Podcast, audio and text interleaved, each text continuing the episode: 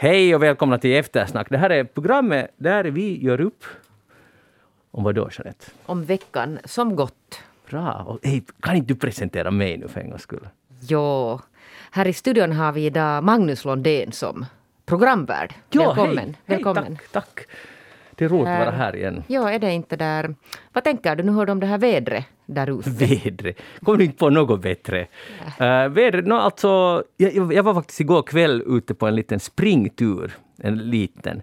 Och, och det regnade. Och jag var ändå, jag tyckte det var så fräscht. Alltså det, det majregn, det gör ingenting. Det liksom egentligen höjer på luftkvaliteten. På något Ja, och känner man sig inte ganska duktig om man är ute och springer och blir lite blöt och sådär? Att det känns som att man verkligen har gjort någonting nyttigt. Ja, det, det, kändes nog bra. Och just det fågelkvittrandet, sen några andra liksom, kollegor som också var ute samtidigt. Det var, det var skönt. Bra. Och du då? Ja. Nej, nej, utan nu ska vi gå vidare till den här vår, vår gäst här alltså. Det vill säga välkommen Pia-Maria Lehtola. Tack, tack. Har du varit ute och springa? Jag har varit ute och promenerat. Jag har en sån här ny tradition att jag promenerar 45 minuter varje dag.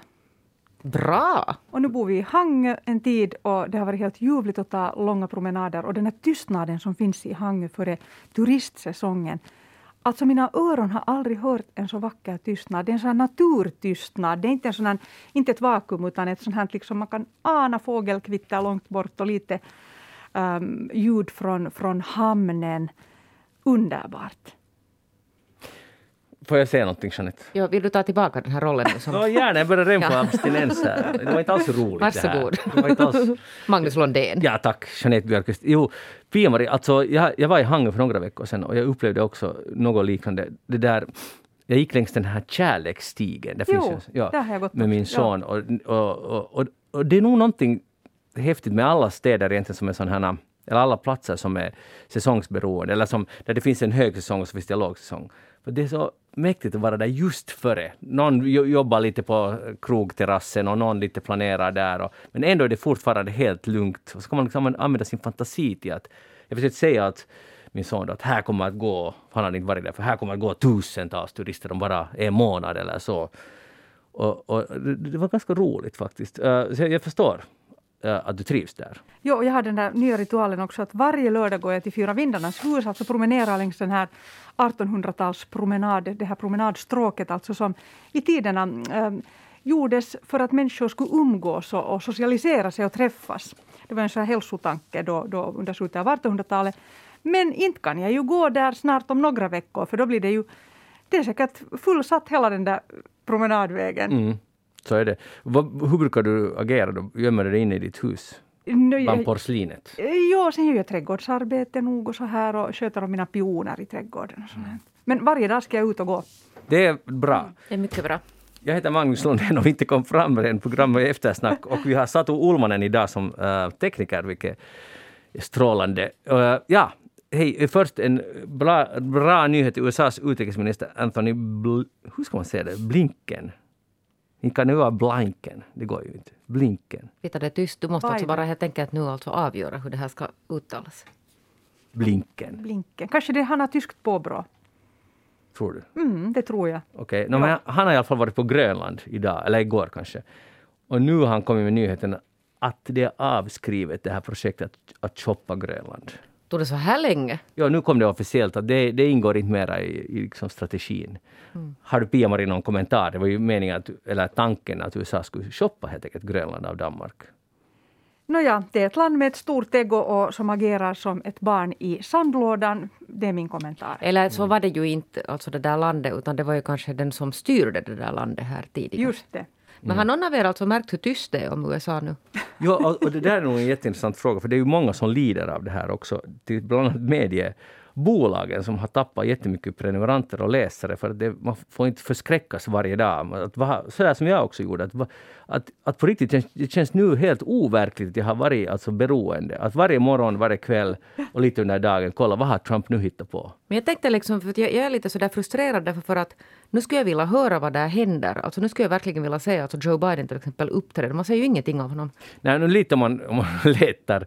Nej, men förstår du sådär att det var alltså Trump i liksom varje finländsk nyhetssändning i princip nästan alltså varje Ja. dag. Alltid någonting helt vad som helst strunt. Alltså det var nog en mardröm. Det var en mardröm. Och det Har där, ni, har ni hittat något nya sådana här, har, har du något nytt nu som du Jag har följer alltså med på hittat samma sätt? friheten. Det, är inte, Friheten. men det ska man inte underskatta. Bra, bra. Mediefrihet. Alltså jag, jag har lite, och sen har jag fått sådana, vet ni, mm, återfall att jag har kollat vad händer nu på Fox och CNN och så märker jag att det händer egentligen samma sak, bara det är lite mindre Trump.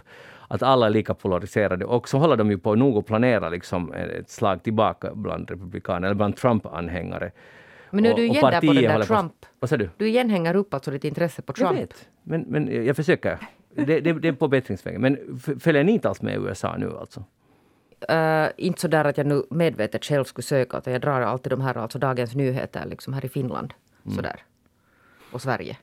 Jag följer inte. Jag följer bara Macron och Frankrike. Och, det är nog synd. Men hur, Ja. Macron har gjort några ganska seriö, seriösa kappvändningar här på senaste tiden. Men att, är, är du en beundrare av Macron? Absolut. Han är ju fantastisk. Han är en sån här vet du, för, förr i tidens ledare.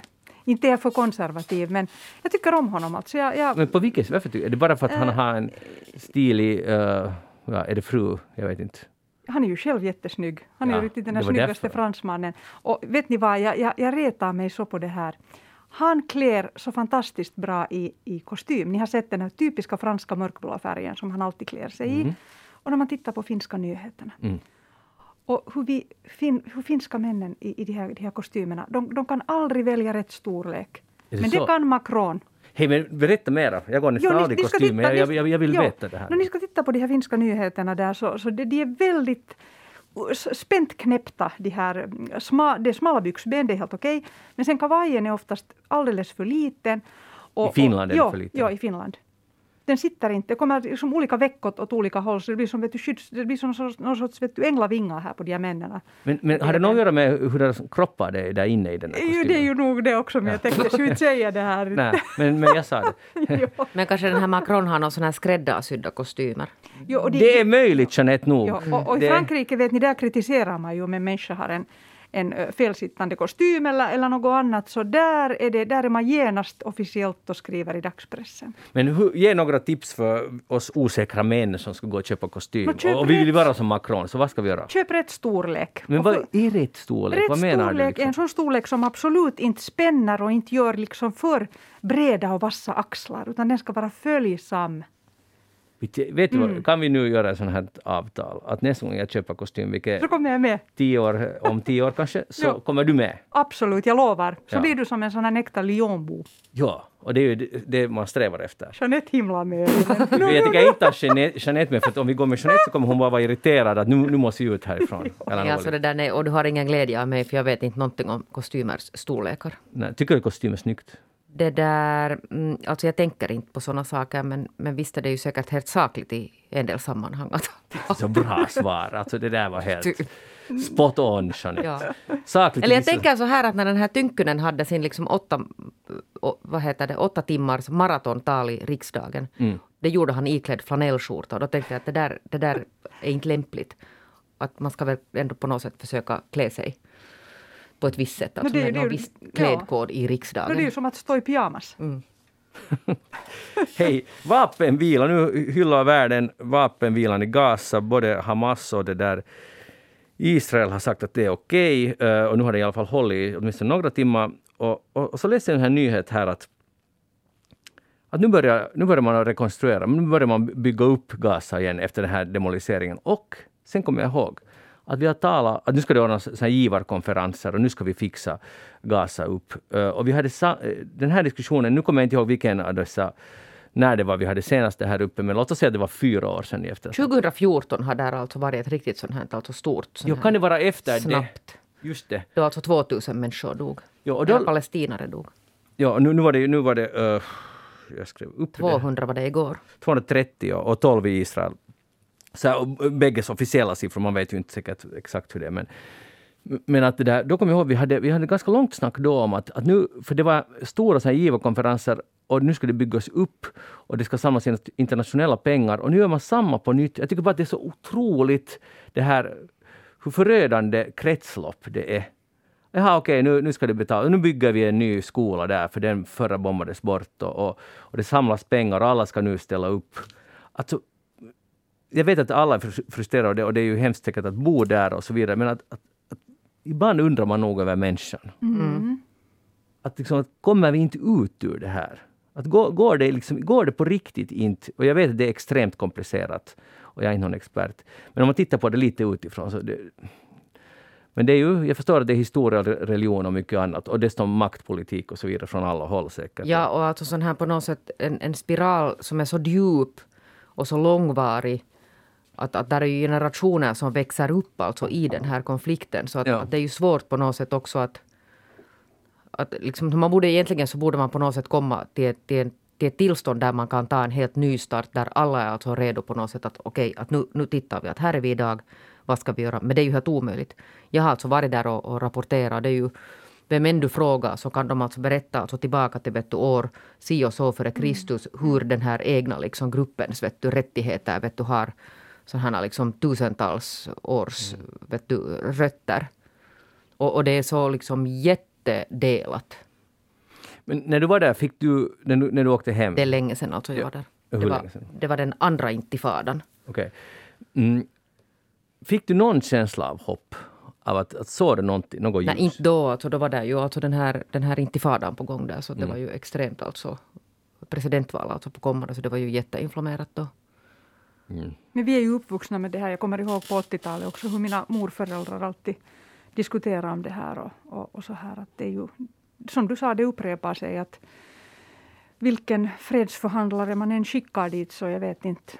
Men där är ju liksom ett exempel att, att när man ska göra någon sån här avtal och liksom ingrepp och liksom skapa någonting så att se till att man har alla frågor lösta innan man går vidare. Man kan inte säga att, att, att vi löser dem sen. Mm. Men man gör ju ofta sådana här förhandlingar för. Ja, gör man just men sen så. är alltså här är vi då 2021 fortfarande. Ja, och sen det, får man ju nog den bilden att Hamas eh, och Netanyahu behöver varandra. Alltså för sin egen, egen liksom makt i, för, bland sitt eget folk, så att säga. Och det gör det ju ännu lömskare det här. Att det kanske inte finns en riktigt genuin vilja från de här som leder le- respektive område. Nej, jag vet inte riktigt. Alltså det där. Sen, sen jag minns alltså det var, det var liksom intressant för att för det är ju inte så att det bombas hela tiden men det är liksom på något sätt hela tiden en liten sån här osäkerhet som alltså de lär sig leva med. Att du kan aldrig veta när det smäller.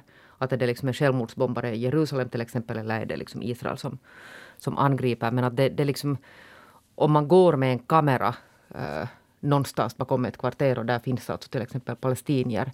Så det är sådär som att de reagerar, de har liksom de lever framför tv-kameror. Förstår ni? Att, att, att när, när, man, när man ser alltså att det kommer en tv-kamera så börjar man alltså agera och kasta sten till exempel på några israeliska soldater. Att, att, att det, de har ju levt, alltså det här är på något sätt deras vardag och liv och en massa alltså internationella kameror och liksom medier på plats hela tiden. Så det, det, det är ett mycket alltså märkligt, en mycket märklig konflikt. I vårt lilla Finland har vi en kolumn i Iltalehti som Sanna Ukkola har skrivit. Och det, där, eh, det handlar om Sanna Marin.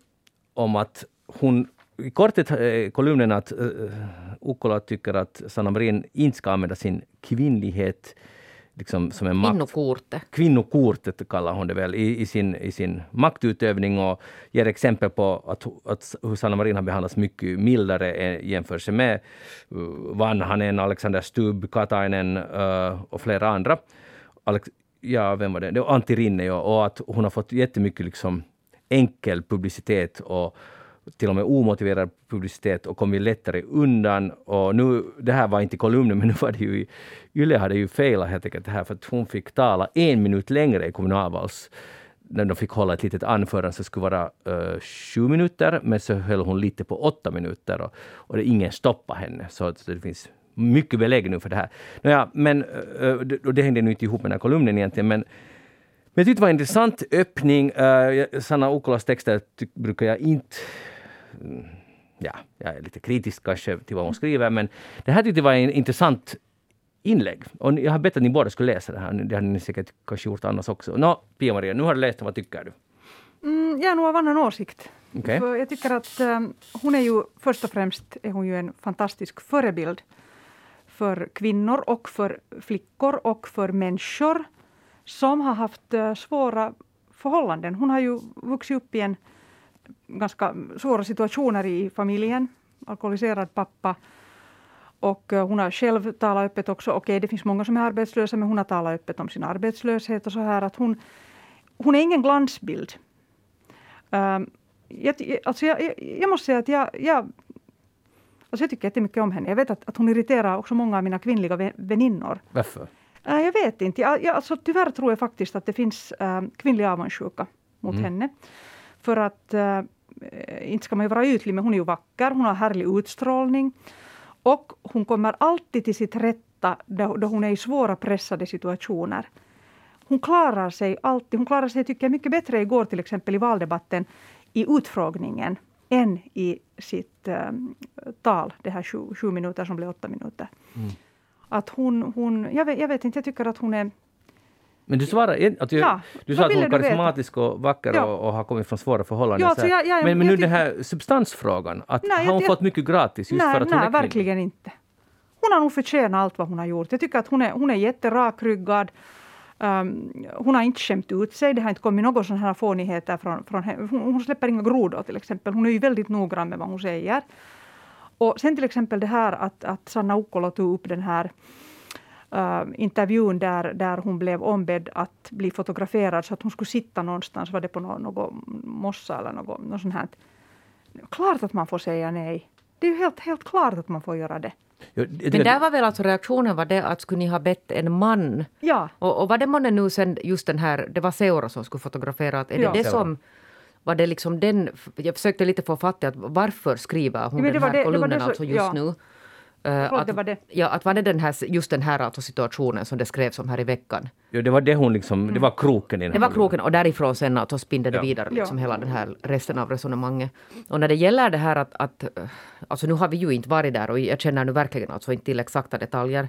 Men det är ju inte alltså jag som har jobbat på tidning i många, många år och varit med när, när man blir fotograferad och man ber alltså människor att bli fotograferade. Fotografen försöker hitta alltså sätt att fotografera som skulle vara kanske annorlunda. Det är helt normalt att man kan be. Jag kan inte alltså säga att det på något sätt skulle ha haft någonting att göra med att, att det är hon kvinna eller man. Att man ber henne sitta på, mm. vad det nu var för någon slags liten bergsklack med mossa. Lika tror, gärna skulle mm. man kunna be alltså en man sitta där. Men jag tror att hon har upplevt sådana situationer tidigare eftersom hon reagerar på det här sättet. Och hon vill inte uh, bli behandlad så eller liksom framställd så.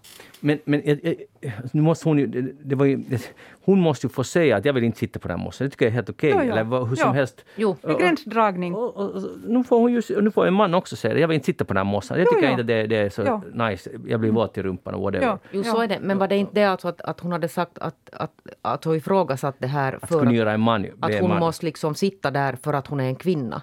Eller liksom att, att man skulle inte ha bett en man. Alltså ja, så var... säger hon det. Skulle ni be mig sitta så här om jag skulle vara en kvinnlig, en manlig statsminister, så, så mm. hade hon sagt. Ja, och där, alltså det är ju den där, på något sätt, där kan jag hålla med att det, det låter ju jättekonstigt att mm. man reagerar att, att man tror att det är liksom en, en könsfråga hur en fotograf ber en sitta. Mm. Nu vet jag vi inte alltså hur de har bett henne sitta, att hur borde hon liksom ha varit där eller något sånt. Men hon är nog så vettig att jag tror nog inte att hon skulle säga det om det inte skulle vara anledning till det. Men det är intressant, alltså Pia, Maria, du har ju nu en, alltså allt, alltså du är ganska okritisk.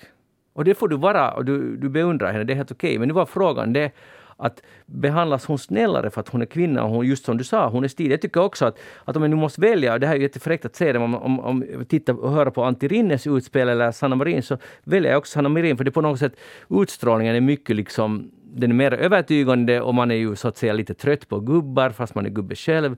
Och att, att hon har, men det är en fördel. Nu är det ju en fördel för henne. Jag menar att man, man väljer, vem lyssnar man hellre på? Det är ju lite ja, och konstigt. Sen, och sen har Sanna Ukkola rätt i det här att det där, hela den här, för Finland fick ju jättemycket alltså internationell publicitet med den här regeringen. Mm. Inte alltså nu bara förstås för Sanna Marin men för att det var unga kvinnor. Och det spreds ju. De fick jättemycket alltså internationell publicitet för att de var unga kvinnor. Mm. Jag tycker nu det är dags att kvinnor får vara i rampljus. Jag tycker, jag tycker vi har en så gammal historia med, med uh, undanskymda, undantryckta kvinnor. Så uh, jag, jag, tycker det här handlar ju igen om det här att, att är vi inte ännu heller färdiga att ge, ge plats åt kvinnor. Ja, men jag tycker inte alls det handlar om det. Jag tycker att vi jag absolut tycker ska ge plats åt kvinnor. Självklart, oberoende av vad jag tycker, så det är ju helt rätt. Jag menar, här, det är här är det en kvinnlig journalist som, som inte vill ge hon har väl det där alla möjliga synpunkter, att den här Sanna men, men alltså jag, har, jag upplever inte att hon är ute efter det att, att man inte skulle få ge plats, utan hon, alltså det, det som hon kritiserar är ju att, att om man sen kritiserar Sanna Marin till exempel, så kommer det genast att det beror på att, att, att hon blir kritiserad för att hon är kvinna, och det stämmer ju alltså inte. Att, att då är man ju nog alltså överkänslig om, om man tänker så att, att genast som man får kritik, att det är liksom, allt är roligt så länge som, som man är på, på internationella medier, alltså första sidor och så här. Men sen om man kritiserar någonting så kommer man att det är bara för att vi är kvinnor och ni skulle aldrig göra så här mot män.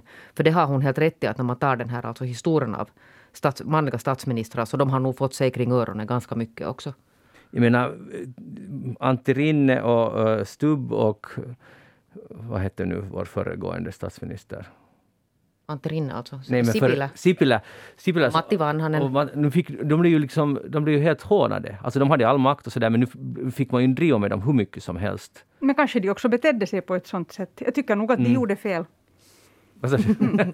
Ja, de var att, ju värda det. Men ser du, alltså, ser du den här poängen? Alltså, mm, hon har inte gjort något illa. Hon har inte gjort något illa. No, nu, mm. Politiskt kan man säga hur mycket som helst att hon har gjort. Om man inte tycker om socialdemokratisk politik till exempel. Eller hur eh, pandemin sköttes den här våren till exempel. Så måste man få kritisera saken. Och då handlar det inte om, om att hon är man eller kvinna. Jag menar kritik, det måste gå att säga utan att det dras fram då, eh, om hon nu har gjort det här, att, att hon säger... Eh, alltså, förstår man måste kunna kritisera oberoende vilket kön det är. Annars är det ju helt meningslöst hela arbetet för jämlikhet. Och sen det där, den här, hon hade ju tweetat ut där då, uh, som den här Ukkola också skriver om. Det var någon sån här alltså där hon på något sätt liksom ger sån här liksom käftsmäll att, att liksom där hon på något sätt alltså lyfter upp alltså såna epitet som, som man har sagt om henne och säger att, att Finland har en, en kvinnlig regering nu, get over it. Det var någon sån här. Ja, ja. Som hon lyfter upp som någon, den här Sanna Ukkola på picko lite fel sätt. För att om jag inte missminner mig så var den tweeten var alltså en reaktion på den här NATO-undersökningen. Där man undersökte alltså den här retoriken som används om kvinnor. Twitter, ja. och, och, den kan man alltså inte där... Det, det är nog alltså helt entydigt så att kvinnliga politiker får en helt annan slags alltså, uh, sån här hat än, än Det är ju ett fakta. Och det, är ju, det, är, det tycker jag det, man borde hålla det isär. För det, att om man blir kritiserad just för att det är, man råkar vara kvinna och gör en politik, att, man går åt det att, liksom, att man försöker hitta så att säga, kvinnliga grejer i det du gör, att det är för att du är kvinna, så då det, blir det helt fel. Men om det är saken i sig, så måste man få kritisera. Men sen måste man gå tillbaka till historien också och tänka på hur kvinnor har blivit behandlade i Finland tidigare i politiken. Alltså vi har ju Anneli Jäätteenmäki, vi har andra politiker som, som, som har varit verkligen i, i blåsväder. Och, och måste avgå. Jo, jo, ja, det, det så sant. på det sättet, vi måste också komma ihåg att hon har vuxit upp med kanske de som idoler och följt med dem. Och så här. Och nu vill hon liksom vara en helt an, annorlunda person. Mm. Ja, men jag undrar bara att, att ska man se på, i det avseendet på historien och sen ge carte blanche för, om vi talar bara om sakfrågor, förstår du? Att, att, då blir det ju lite komplicerat. För att det är 100 procent sant och det är ju, jag tycker att det var extremt på ett sätt befriande när den här nya regeringen kom. Jag tyckte också att det var fantastiskt att, att, att se hur nord, den nordiska samhällsmodellen ändå fungerar. Att man, kan komma, att man kan ha ett land som styrs helt och hållet av politiskt av kvinnor. Jag tycker det är helt super. Mm. Men man måste också få kritisera mm. politiken som ja, förs. Men sen är hon också, alltså, vi måste komma ihåg, hon är ung. Alltså hon är ju typ 35. Um, um, och um, hon hör ju till den generationen där eh, en ny sorts feminism är väldigt stark och där man, är, man, man reagerar genast till rätt adress. Och jag tror, jag tror att vi, vi kanske inte, vi är ju alla här liksom, Magnus över 50 och Jeanette blir snart 50. Vi är ju en annan generation. Mm. Så jag vet inte, jag, tycker, jag tycker bara att man måste också förstå vilken tid hon har vuxit upp i. Och, och annars också den här kritiken som unga kvinnor har, det är helt en annan sak, men mot det här male gaze, det här att, att, att det är mannens blick som alltid styr också mm. i politiken. Mm. Jag förstår. Mm. Så att jag, jag, jag, hon är ett barn av sin tid alltså. Saken klar. Hej, vi går vidare. Nu, nu har jag läst en artikel, en av cheferna för de här datingapparna. Och, och det där, nu kommer jag inte ihåg vilken, men någon, han är nu jättemäktig och, och jätterik och så vidare. Och, och, och han studerar människors beteende. Så han har full koll på det. Att han ser vad människor söker efter och när de söker. Och nu, nu hans um, prognos att det kommer helt och hållet explodera i takt med att vi hoppas att pandemin då försvinner. Att dejtande och det är en liksom revolution inom dejtande därför för att folk är så trötta nu på sin partner för att de har varit för mycket tillsammans. Eller alternativt har insett, det har blivit något sån här vägkorsning. Att nu måste jag välja riktning i livet. Jag orkar inte, att den här mannen eller den här kvinnan eller hur det nu sen är, um, vill jag inte, att jag vill inte dela livet med det här. Man, man har liksom, bör- förstår ni, man har fått ny Jo, jo. vision på sitt liv. Jag har hört faktiskt att i Österrike är det en boom på gång med kvinnor som skiljer sig. Och där är de här privatdetektiverna nu jätteanlitade och de hoppar in i buskarna och, och vaktar. Alltså där är ett sånt, min syster bor i Österrike och hon har berättat om det här fenomenet. Det har gjorts en dokumentär om det. Okej, okay, så, så, och det här är ju superintressant att, det, att, att en pandemi kan ha också sådana här effekter. Alltså det kan bli skilsmässor och, och, och sen att, att nu har det visat sig, eh, de har undersökt vad är viktigt i livet. Och då är den här livspartnern har blivit ännu viktigare än någonsin tidigare. Att, att karriär, who cares, liksom, och pengar spelar ingen roll. Men partner, och därför vill jag inte bo med den här, jag vill, den här människan, jag vill ha henne ut ur mitt liv. Jag vill ha något nytt, någon som jag kan dela resten av mitt liv med. Och att en pandemi kan ha så här effekter, jag vet inte om någon ska kunna förutspå det. Jeanette, Men det där, och det här baserar du nu på det alltså att det där, den här datingappens, Justin McLeod heter var han VD där då? Ja, ja. Ja, som alltså vill ha då förstås jättemånga nya användare så att det går bra på hans datingapp. Korrekt. Ja. Men, men tror du inte på det här fenomenet? Att folk liksom börjar ifrågasätta sina egna liv och sina val? jag vet inte om den där nu riktigt är den här dimensionen. Det är sådär som att du ungefär tänker dig att 80 procent av människorna nu kommer att skilja sig och börja gå in dit på datingappen eller vad de gör. Men det där, visst är det helt säkert så att, att när man har varit jättemycket tillsammans i, i samma hus så det är klart att det liksom sliter på, på relationer. Jag menar, det är ju sånt som vanligtvis händer när, när båda pensionerar sig och sen plötsligt är man där under samma tak och märker att oj, vem är den här människan? Vem är den här människan? Ja. Men då är ju problemet att man inte har träffats tillräckligt. Nu har man ju träffats väldigt mycket. Men det kan ju göra gott åt sådana som inte har träffats tidigare, som bara har varit flyktiga. Ja. Så nu tvingas de mötas och märka att oj vilken härlig person jag har här Exakt. hemma. Oj, tänk att jag inte har förstått det. Det är ju fruktansvärt att jag har håsat på i 20 år och inte märkt. Det kan det vara så att Så man kan det tänk- också gå. Att man tänkte så de tre första månaderna under den här pandemin när man satt inlåst och sen kanske man börjar liksom ta på varandras nerver. Det är... Hela dragningskraften kan bli lidande för att eh, ett förhållande mår ju bra av det här att man kanske lite tycker att oj nu, nu är han där, att vad är där månne nu, och oj oj är det trevligt. Och sen kommer han hem och så ser han annorlunda ut. Men nu är han hela tiden framför näsan. Så Mm. det blir inte en sån här situation av att, att ehm, man skulle längta kanske efter den här personen. Men det, att vi har på ett sätt utsätts, hela mänskligheten, för någon sorts tristesstest. Att, att måste inte göra så hemskt mycket. Vi tvingas vara hemma, tvingas vara med dem vi har nu valt att bo, om man bor med någon. Och, och de som inte har, bor med någon har också måste uppleva enorm tristess för de kunde, ingen vill träffa dem för att ingen vill umgås och kan umgås. Jag menar bara att det är ett otroligt stort experiment. Att, att, här finns ju mycket för forskarna, Jeanette. Jo, det finns göra. det. Det är många, många år framåt. Och vet du vem de stora förlorarna är? Nu talar jag inte om människor. De stora förlorarna av, vad då? Av att pandemin förhoppningsvis börjar vara över. Det är hararna i Töleparken. Det kan vara att de också förlorar, men husdjuren.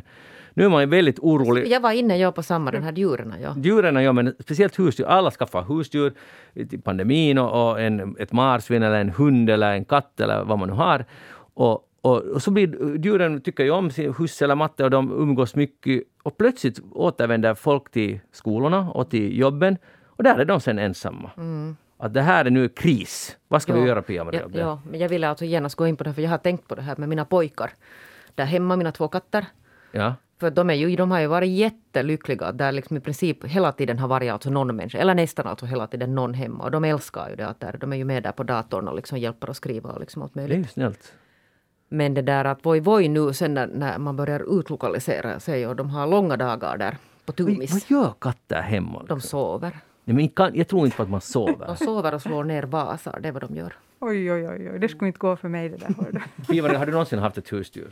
Jag försökte ha en norsk skogskatt i två veckor. Aj. Men jag blev så allergisk. Och den var, jag var så rädd för den också att jag stängde in mig i sovrummet. För Förlåt, men du var rädd för jag blev katter? jätterädd för den.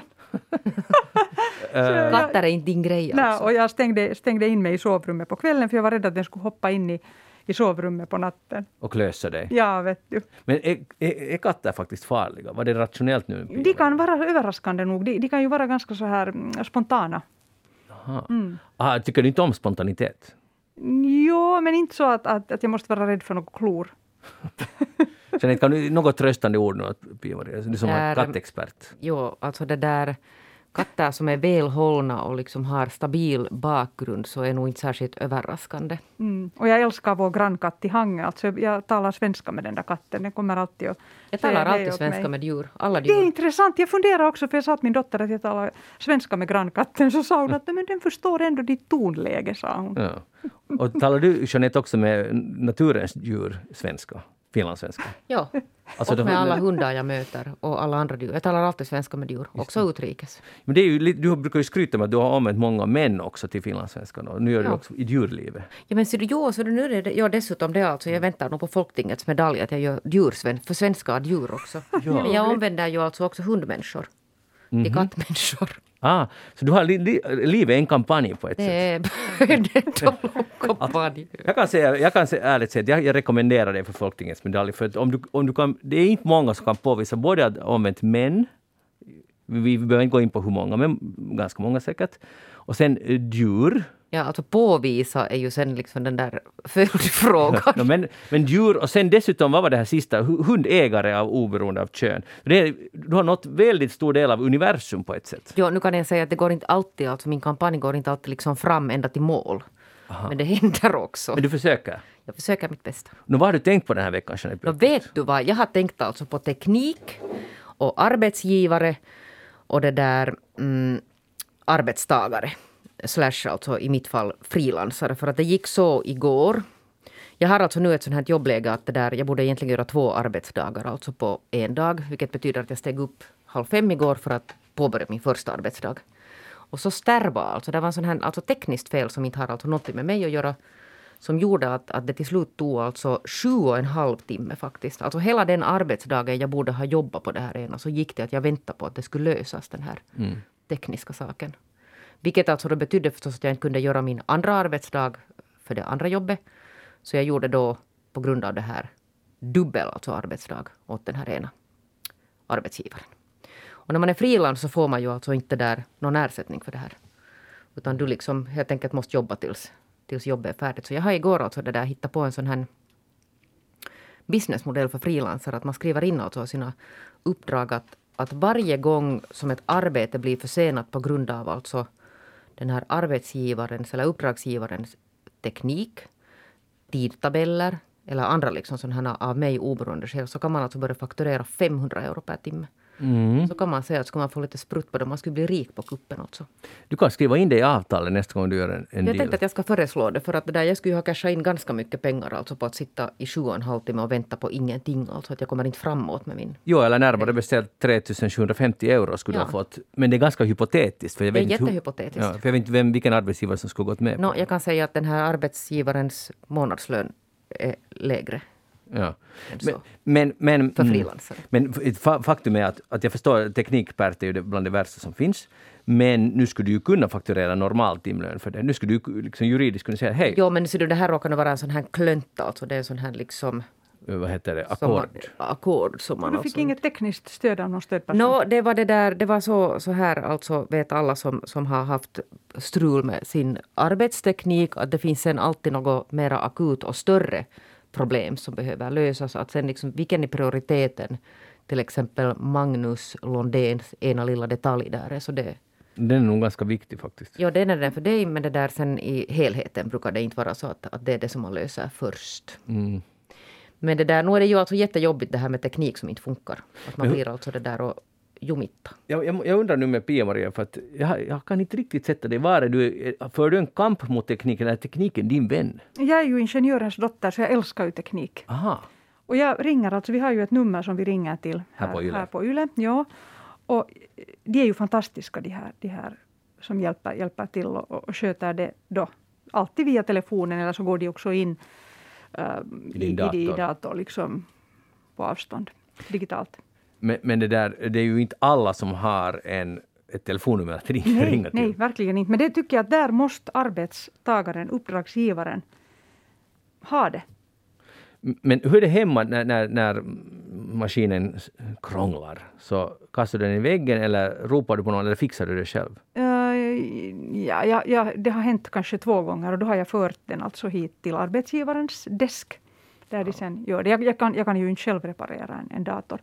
Men hur viktigt det är, man blir ju faktiskt irriterad Just om man har en deadline. Det är ju fruktansvärt. Det är jättejobbigt. Det är helt hemskt. Kan inte du fråga mig hur det går där hos oss? Eh, Jeanette, hur går det hos er när ni har teknikstrul? Vem tror du att fixar det? Uh, nu är det här någon sorts fälla, så jag tänker inte nu gissa. Jag, vet, inte, jag måste tänka om jag tänker ärligt. Nu, jag skulle nog ha gissat på att, förlåt att det, det här låter nu på något sätt, jag skulle ha gissat på att det är din dotter som fixar det. Ja, no, det är inte heller alltså helt uteslutet för att jag har ju lärt henne. Alltså, jag har ju tränat upp henne i sån här Mm. datorteknik. Men du vill ju skryta med att det är du som gör det. No, det är ju jag alltså som gör det.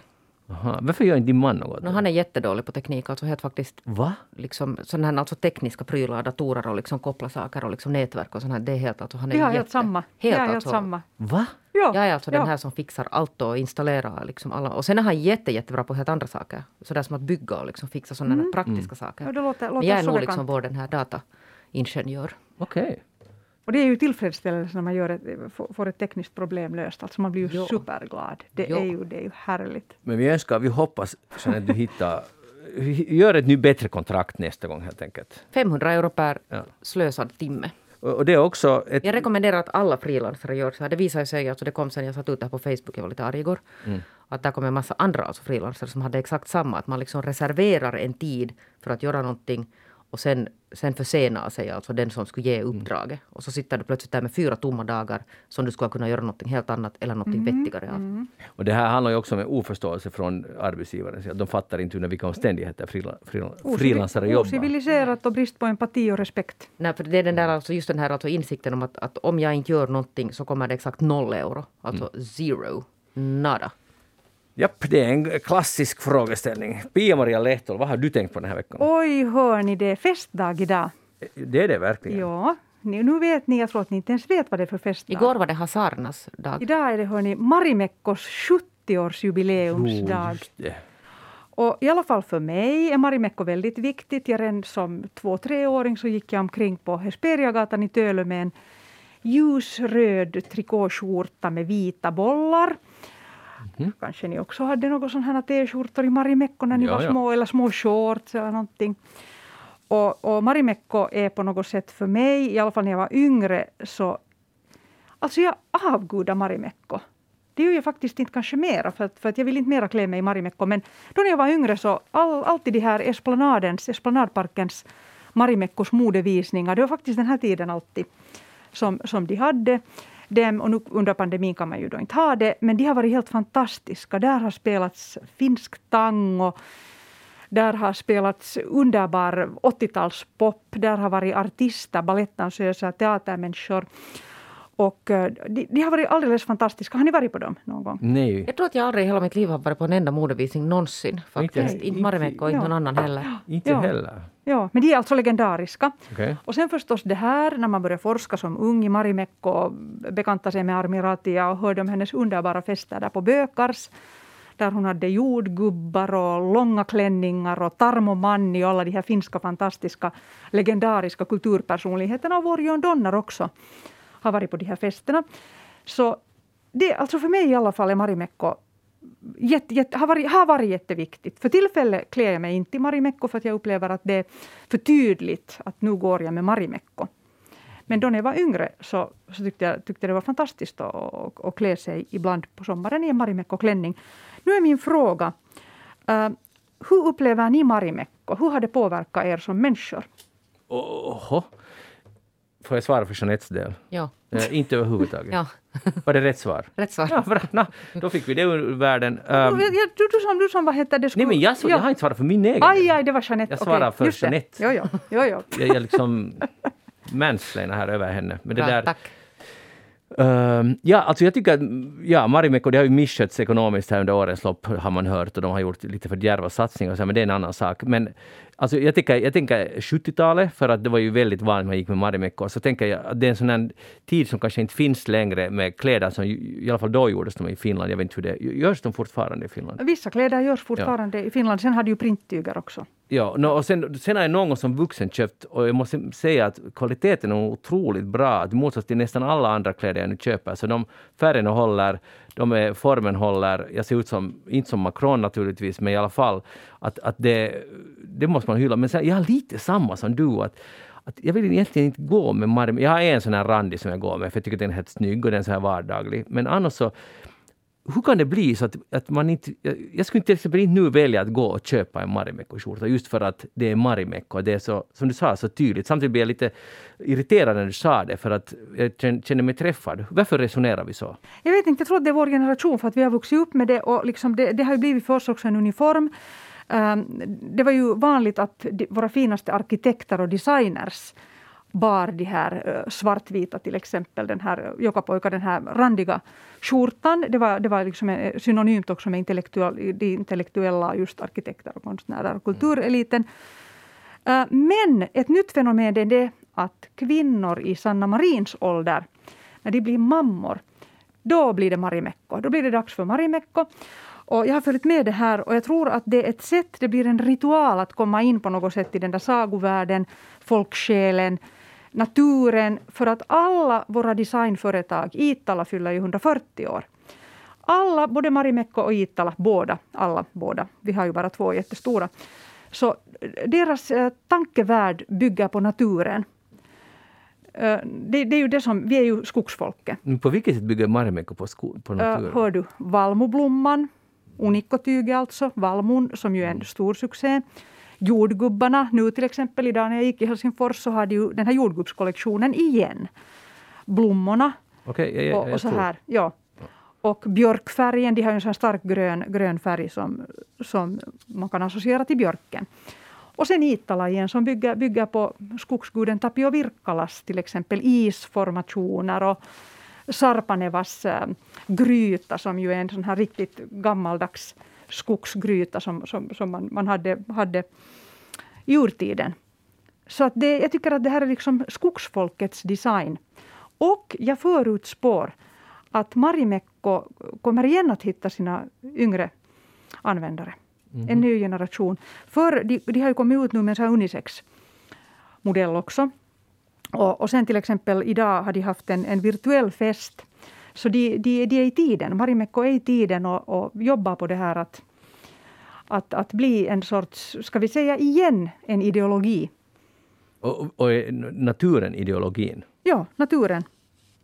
Jeanette, skulle du nu liksom, kunna tänka dig att köpa gå med Marimekko-kläder. Varför ska jag gå när ni just har suttit här och sagt att ni inte... Men jag om du skulle kunna Jag är ju i samma generation som ni, alltså inte är den där vet du, som just har blivit mamma, 30-åring. Nej, det är helt som söker sig vet du, in i sagornas den, värld. Sagornas men, men värld. Jag skulle helt gärna ja. gå in i sagornas värld. Ja. Det är en bra värld. Mm, mm. Men är det okej okay om, om männen nu blir som börjar köpa Marimekko fast de är Absolut. över 50? Absolut, det är en sån modern hippierörelse. Men alltså det där, det har jag ju mm. märkt att det som är tydligen jättestort mode är de här alltså tygkassar med Marimekko, alltså den här vissa sortens alltså den här basic tyget och sen den här, alltså, ja. den här vissa typen av Marimekko, alltså print på. Ja. För det går då alla ungdomar har jag märkt. Och det får man alltså när man köper en viss summa, så tror jag att man får den på köpet, att det är en sorts sån här liksom gåva till kunden. Uh, men Jeanette, alltså jag, jag, är nyfiken, har du aldrig haft någon Marimekko? Jo, men det har jag säkert haft, mm. någon Marimekko. Jo, och sen har jag alltså det där Faktiskt det enda jag har kvar av min pappa var en Marimekko pyjamas. Eller nej, det var inte alltså en pyjamasskjorta åt honom, men det är min dotters pyjamasskjorta nu. Lever den, den vidare? Ja, den är alltså Hur ser den ut? Där ser man kvalitet. Den är, ja, men den, jag kan säga att den är inte helt kanske hel mera, men jag har lite lappat den. Men den är ju alltså då kanske 50 år gammal eller något. Hur ser den ut? Hur ser den ut? Den är sån här alltså randig med grått och blått. Mm. Det är nu alltså min dotters pyjamasskjorta och det är alltså min pappas från gud vet när. Tufft. Ekologiskt och hållbart. Jo, no, verkligen. Och sen, nu blir man ju lite rörd till tår. Det kommer jag ihåg när jag köpte den där, de där någon sån här randiga skjortor här för kanske, låt oss säga 20 år sedan. Så jag tyckte nog att det var ganska coolt att det stod Made in Finland inne i dem. Om man tänker vad vår textilindustri har varit, det har funnits i Tammerfors och mycket, annat. Nu kommer det lite tillbaka också, men då det var en tid när ingenting egentligen mer gjordes i Finland. För de hölls kvar. Nu vet jag inte hur det är idag, men jag antar att de ännu gör i Finland någonting. Men alltså nu, nu blir man ju så stolt över det och, och det är ju så det borde vara. Och sen är det det som var kombinerat med hög kvalitet. Att det var faktiskt på riktigt bra stuff som håller egentligen hur länge som helst. Det, är helt, att det ligger ju också i tiden. Jag, jag, tror att det kan vara ett startargument, bara de är lika hög kvalitet som idag. Hej, Jeanette, alltså en sak, du sa att du, att du lappar den där skjortan. Alltså syr du själv? Alltså, jag är ju alltså jättebra på att sy. Är du? Herregud, jag hade ju tio handarbete. Det här, det här var helt jag är helt chockerad. Alltså du, har du symaskin? Jo, det har jag också. Tre Oj. stycken. avancerat. Och du, du håller på... Den här syr man ju inte, alltså, den här behöver man alltså lappa för hand alltså, förstår du, så där under på visst avancerat sätt eftersom det ändå är en sån här lite värdefull. Det är som sagt alltså den enda kvarlevan av pappa. Jag förstår att den är viktig, men du har aldrig talat förut om det här i eftersnack om att Ah, du... ja. ja, så här är det. Men sticka kan jag inte, bara halsdukar. Okej, men, ja, men du, steg lite nu i poäng här tycker jag. Pia-Marie, hur, är det med, hur har du det med att sy? Och jag hatar ju det. Aha, Ja. som jag. Ja, och det, det har att göra med det att jag hade en äh, vad heter det, textillärare som hade långa, långa naglar. Och hon gick och peta en gång i min sömn när jag hade sytt en jättevacker kjol av sånt ett ljusblått tyg med små blommor. Och hon petade och sa den där är sned. Och det var den hemska nageln. Därför kan jag inte ännu heller tåla att sy eller lappa. Det är min man som lappar alla strumpor hemma. Okej. Mm. Jag, Alltså lång- blev helt stel. Jag blev helt, Jo, hur lång alltså- var den här nageln? Alltså, det måste vara ganska Det var, nu var den säkert kanske 12 centi. Det är lite, vet du, det här är lite maktspråk. Jag vet, ja, det var jätteobehagligt. Och sen fick man ju faktiskt symaskins körkort. Och det fick jag ju nog. Va, vad fick man sånt? också Skolan. i skolan. Körkort? Ja, också fått symaskins symaskins körkort. Ja. Man skulle ta sy, du kunde, Ja. måste kunna sy. Alltså nu vissa kunde jag sy, men inte fick vi Ja. något körkort. Ja, vi hade också Men jag har alltså skräck för symaskiner just på grund av det här och den här sneda sömmen. Eh, Det enda som jag älskar är, jag har fått ärva min mormor och min farmors underbara gamla plåtlådor. Med blommor och rosor och svart botten, underbara brittiska. Och, och den är- andra var annan färg. Men, men i alla fall, de, alltså där är då mormors och farmors nålar fortfarande, deras knappnålar, deras trådar. Och det, det är för mig alltså ett sätt att reparera den här, det här, min relation till, till att sy. Nu, nu syr jag faktiskt någon gång för hand någonting riktigt smått. Men nu, när- nu när vi talar om att pandemin är, har ett vägskäl för många, Ja, till och med för hela mänskligheten och individerna, så skulle det vara tid nu, Pia-Maria, att fundera. För att det, jag tycker det är bara lite synd att den där ena nageln ännu nu 40 år senare förhindrar dig från att göra helt vettiga saker. ja men ser du, här är det nog det också sen. Ja. Att jag står inte ut. Jag, jag, jag tycker ju inte om att baka bakelser. Nähä. Jag tycker om att anlita proffs. Därför går jag hellre till en sömmerska eller en söm, sömmare, skräddare. För jag upplever, jag vill alltid understöda de som gör det bäst. Mm. Här är jag kanske lite fransk faktiskt. Och sen vill jag också gå till bagerier och köpa bakverk och bakelser. Jag vill inte göra det själv. Detsamma med det här, jag tänker inte börja sy. Men okej, okej, du behöver inte börja, men det är en bakelse, finns det någon motsvarande, någon nagel eller något liknande som har hänt där när du bakade någon gång någonting och något gick åt lite pipan? Finns det något trauma, trauma där? Kanske det att, att min mamma tyckte inte om att jag roddade i köket. Just det. Att, att det var socker, eh, socker sen på, på diskbänken och mjöl på golvet. Så kanske det är det. Ser du, nu var du Magnus, aj aj vilken... Du skulle kunna bli psykoanalytiker. Exakt. Oj, nu, nu, nu blir jag riktigt glad. Fina Men hur, egenskaper. men hur är det med dina barn då? Har du sen låtit dem jag har låtit. Jag har låtit.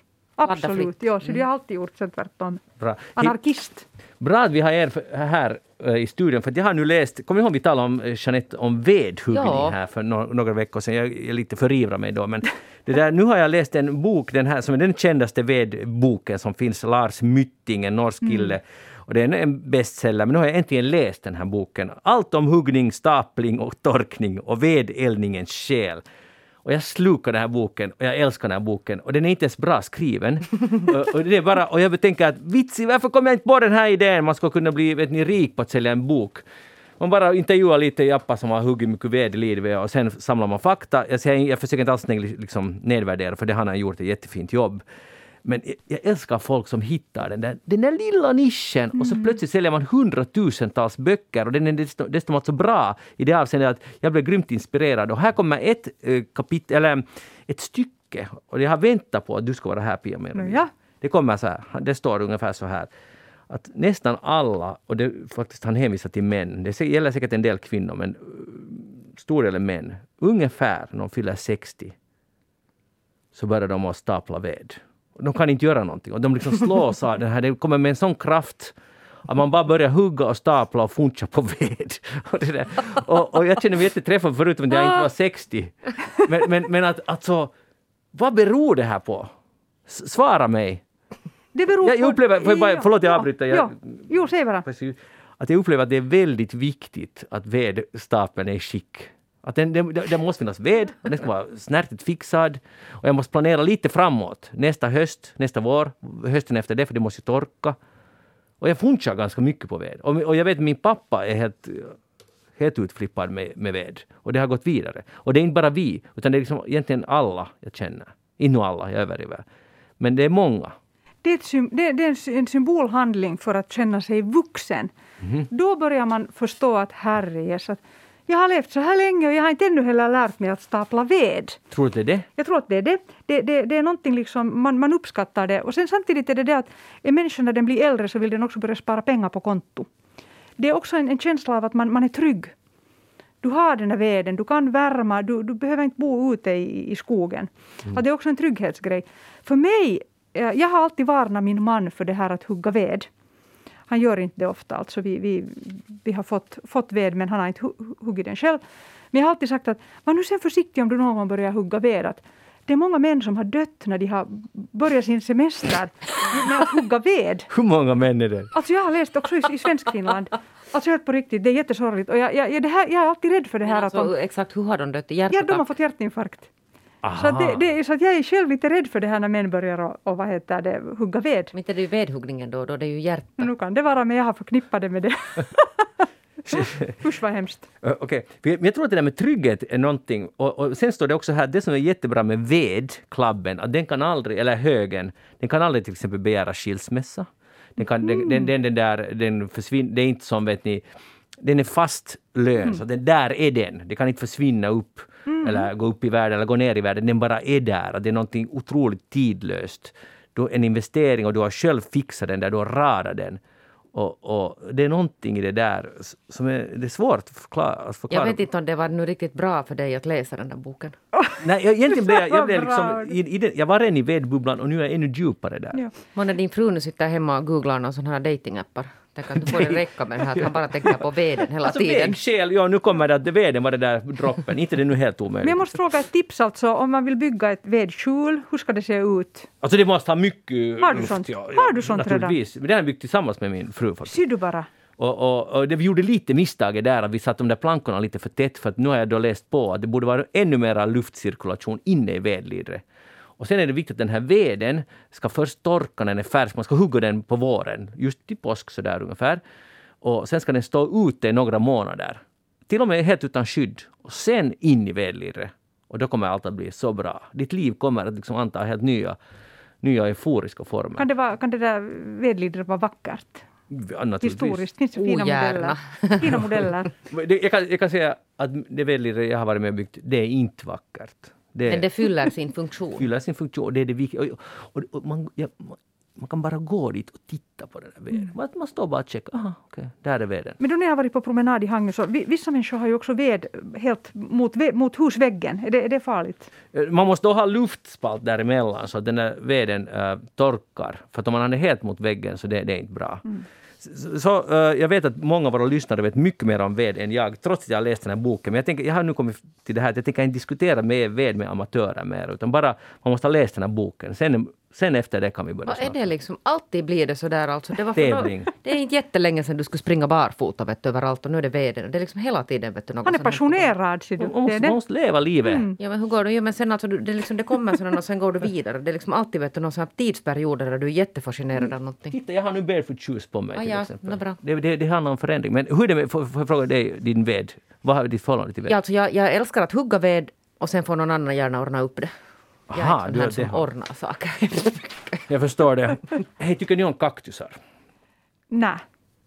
No, det, där, där i öknen är de ju helt trevliga. Eller i varma länder ser de helt trevliga ut. Men kommer ni ihåg, var det inte på 80-talet när man skulle ha liksom kaktus hemma? Jo, nu, jag, hade, jag hade en jordgubbskaktus och så hade jag en jättehög kaktus, vad det nu heter. Och sen, nu har jag haft faktiskt en sån här, är det julkaktus? Den här som blommar i november. Vad kan... Jaha, på det jul? Mm. Jag ja, det, det blommar okay. alltid i november. Men jag måste säga att jag, jag, jag tycker inte att de är så hemskt vackra. Nej. Mm. Men nu har det visat sig, och det här var en nyhet för, för mig, att uh, många hipsters under pandemin har blivit helt kaktustokiga. Jo. Att det ska vara kaktusar nu, det är det som gäller för den yngre generationen, för att de är lättskötta. Och, ja och det har lett till att marknaden på ovanliga kaktusar har blivit exploderat och folk smugglar kaktusar från Sydamerika, Peru, Chile. Och nu har de gjort det största beslaget någonsin på liksom jätteovanlig kaktussort som hade smugglats ut ur Chile och den var värd alltså jättemycket stålar. Och nu är man, jätte, man, man är hemskt orolig för hur de här, de här ovanliga formerna av kaktus, arterna av kaktus ska överleva för att det smugglas förbannat mycket för att vi sitter hemma och vill titta på någonting som är exotiskt eller stort. Och de är ju, alltså vitala kaktus kan ju bli upp till 100 år lätt. Och, och nu, nu, nu går det inte så bra. Chockerande, chockerande nyhet. Men inte kan de Jag ju ta slut. vitsig människor är roddiga. I huvudet, ja. Ja. Ja, ja just där. Jag, jag helt med. Och, och jag undrar bara, hur, alltså, varför måste vi göra sådana här idiotiska saker? Men det här är ju alltså bara en sak. Alltså, jag menar, det finns vet du, alla möjliga tusen andra konstiga saker folk håller på med. Men då på barocktiden också så hade man ju de här stora kabinetthyllorna hemma och skåpen, barockskåpen och dit hämtar man ju skelett och snäckor och fågelvingar och det ena och det andra. Inte, inte, hade, inte hade ju ändrat, det här är ju ett, ett symptom Samma. på den här alltså samma den här grejen. kak- kaktusen är som veden för dig, ser du. Mm, just det, det är igen passionen.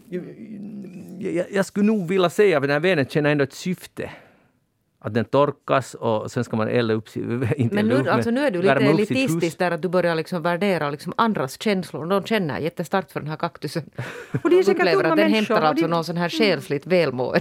Ja. Men det är på kaktusarna lider. Jag, jag tycker inte om det här. Kanske Alltså, inte, trädet kanske, mår ju bra av att bli styckat i bitar. men kanske de inte vet om det, de här, de här unga människorna som är så ivriga. Nu skulle de säkert sen om de skulle få höra, höra det här Att som det du är säger. okunskap. Ja, jag tror att det är okunskap. Ja, men då, då, då kanske det. Mm. Men alltså, är det så att får man köpa kaktusar? Om man går till en blombutik. Förut kunde man ju alltid köpa kaktusar. Men hur är det, har det kommit tillbaka nu man går dit och så finns det kaktusar till salu? Absolut, det finns ju massor med kaktusar. Och andra, andra växter också. Det, har- det har blivit så mode att, att uh, unga människor har ju såna här amplar som hänger också i taket. Att man kan ha en sån här vet du, hängande trädgård i sitt hem också, som hänger från taket. Jeanette, tänker du köpa en kaktus till din dotter? Nej, vi har katter. Uh, okej, det är kanske bättre. Men jag vill bara säga att det finns alltså mycket vanliga former av kaktusar som är helt okej att Jag är ha. jättedålig på blommor. Det finns alltså blommor. många kaktusar som är jätteokej. Så att man behöver inte vara på det sättet orolig. Jeanette Björkqvist, det var faktiskt en spirituell diskussion här med dig idag. Tack så mycket att du var med. Samma gäller Pia-Maria Lehtola. Tack så jättemycket att du var med. Jag heter Magnus Lundén. Eftersnacket tillbaka igen om en vecka och gå in på facebook.com och fortsätt, fortsätt kaktusdiskussionen där. Facebook.com eftersnack. Och, till, och så hörs vi igen om en vecka. Ha det bra. Hej då!